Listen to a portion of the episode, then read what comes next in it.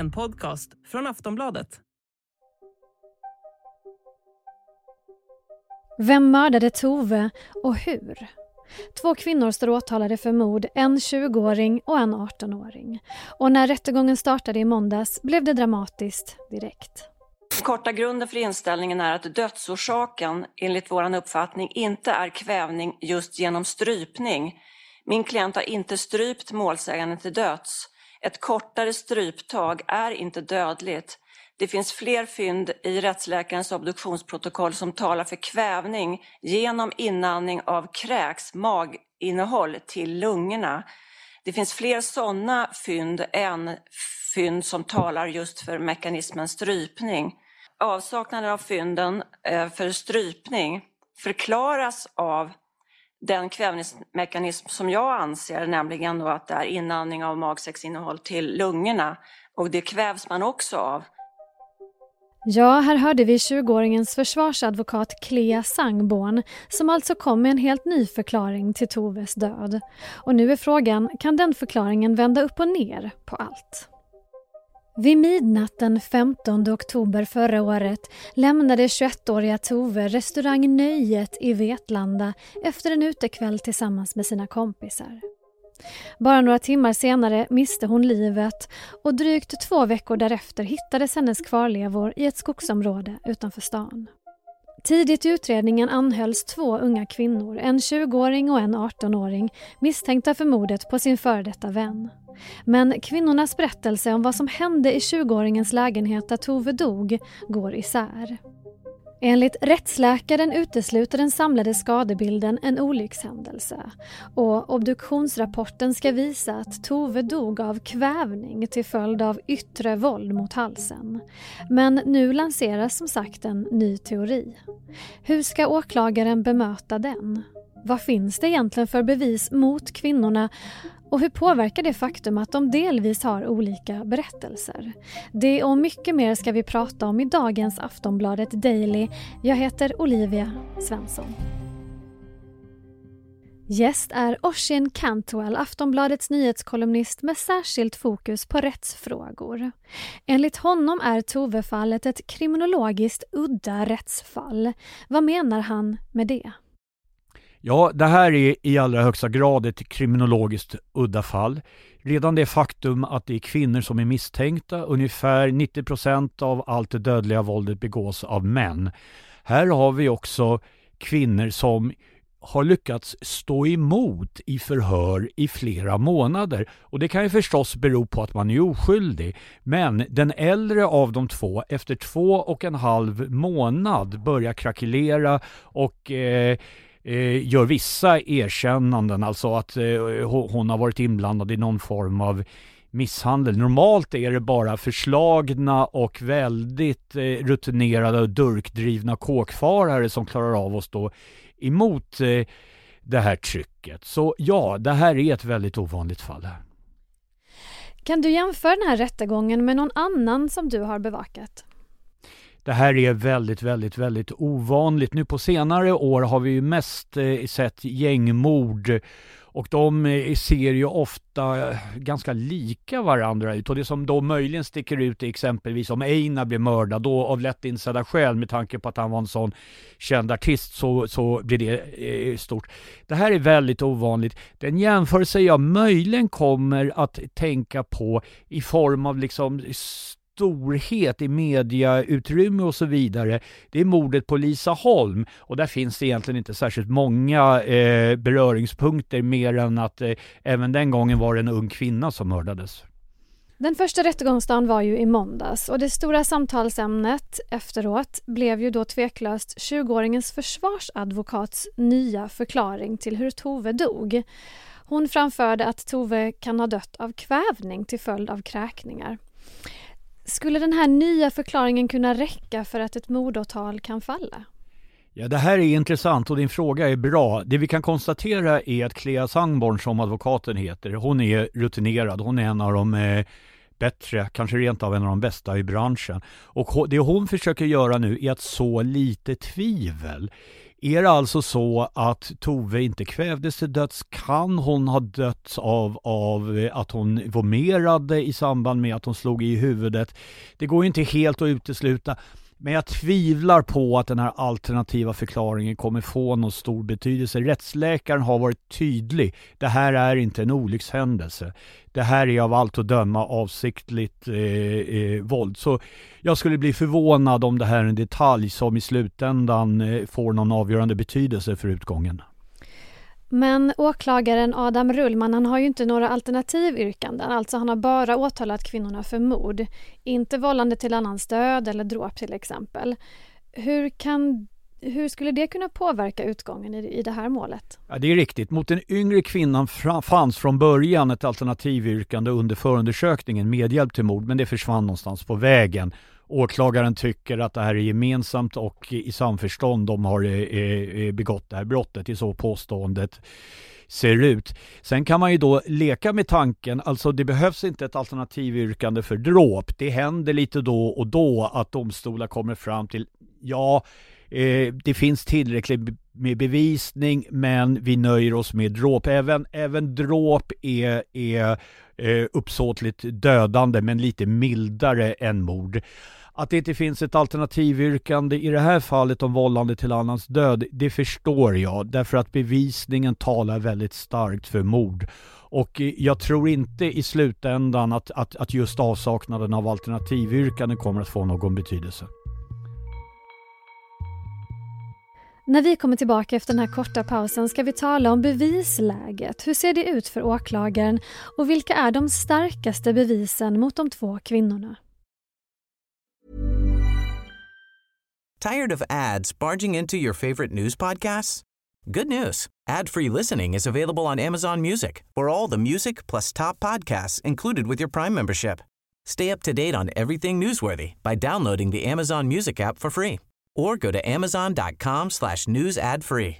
That's amazon.com slash news ad free to catch up on the latest episodes without the ads.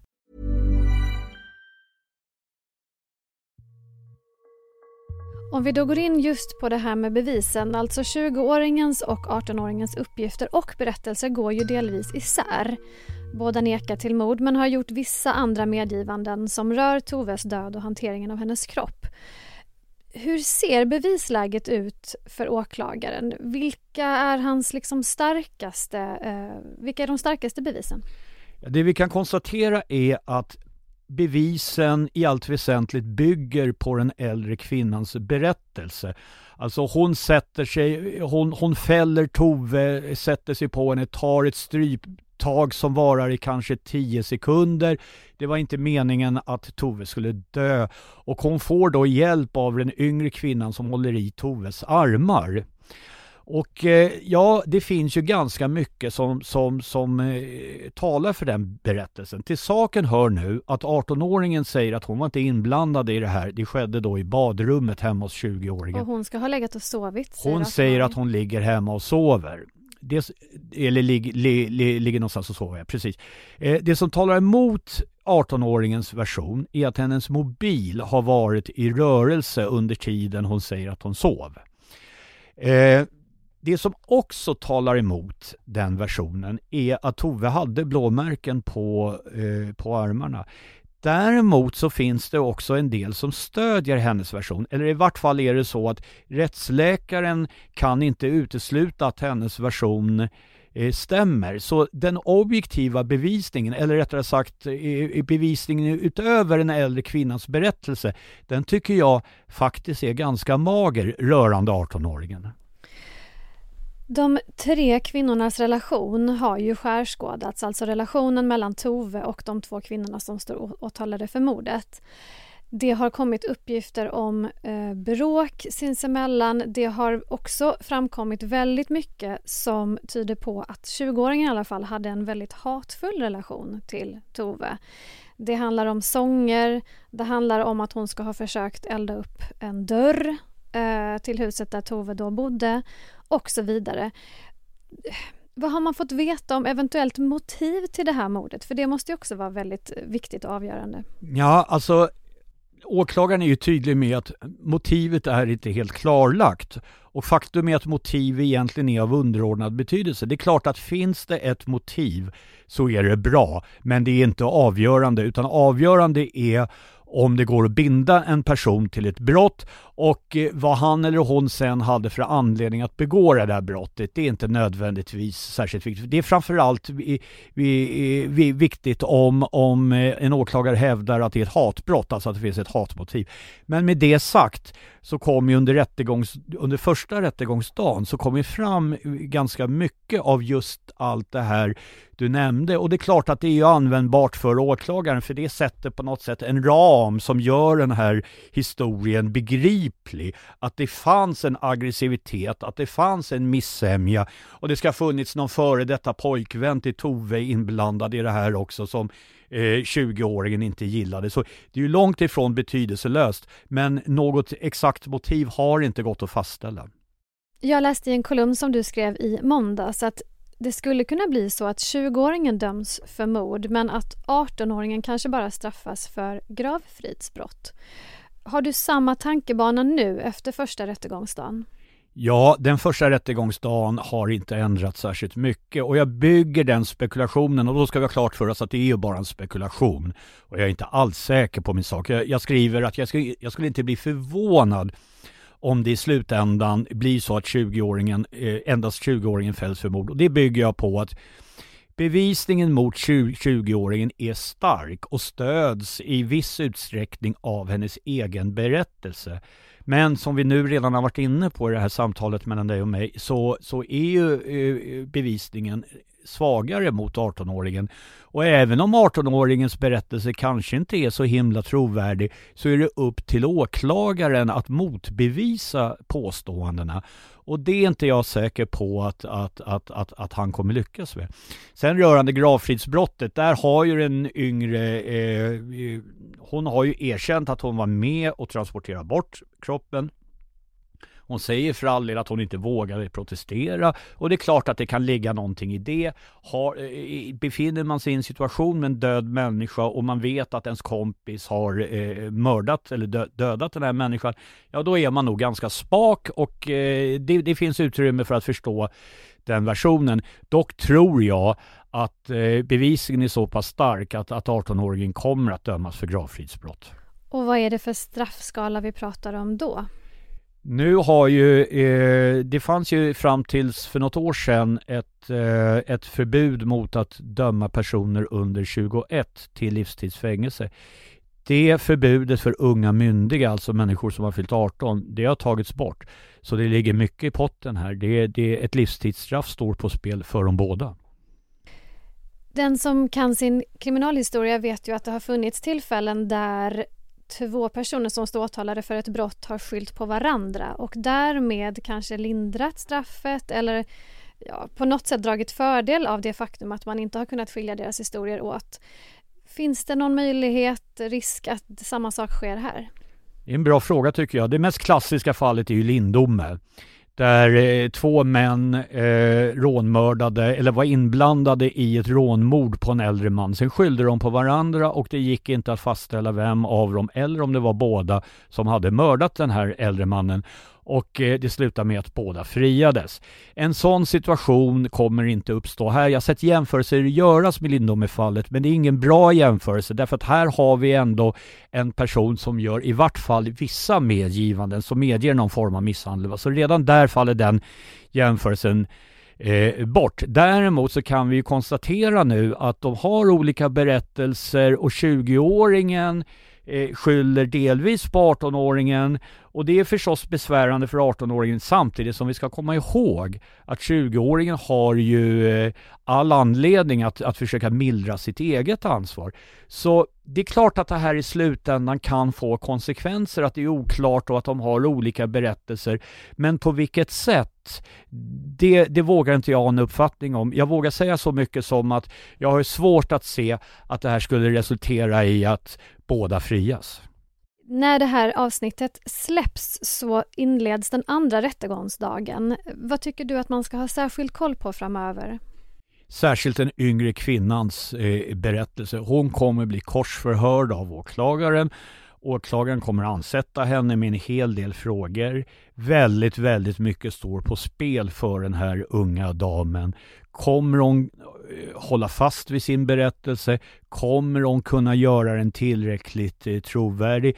Kommer hon sätta lite myror i huvudet på rätten? Kan det sluta med att eh, rätten känner att nej, det går inte att utesluta att den här tjejen faktiskt har rätt? Det tycker jag är det absolut viktigaste. Sen blir naturligtvis förhöret även med den äldre kvinnan viktigt. Va? Men absolut, om vi ska liksom plocka ut en enda detalj i nästa rättegångsdag så är det just 18-åringens vittnesmål. Då säger jag tack för idag Oshin. Tack. Sist här Oshin Cantwell, nyhetskolumnist på Aftonbladet. Jag heter Olivia Svensson och du har lyssnat på Aftonbladet Daily, Sveriges största nyhetspodd. Vi hörs igen snart. Hej då. A lot can happen in the next three years. Like a chatbot may be your new best friend. But what won't change? Needing health insurance. United Healthcare Tri Term Medical Plans are available for these changing times. Underwritten by Golden Rule Insurance Company, they offer budget-friendly, flexible coverage for people who are in between jobs or missed open enrollment. The plans last nearly three years in some states, with access to a nationwide network of doctors and hospitals. So for whatever tomorrow brings, United Healthcare Tri-Term Medical Plans may be for you. Learn more at uh1.com. Du har lyssnat på en podcast från Aftonbladet. Ansvarig utgivare är Lena K Samuelsson.